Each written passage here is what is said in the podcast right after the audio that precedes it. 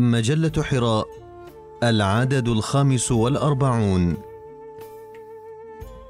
ألوان وظلال بقلم الأستاذ فتح الله جلن. الإيمان واللسان.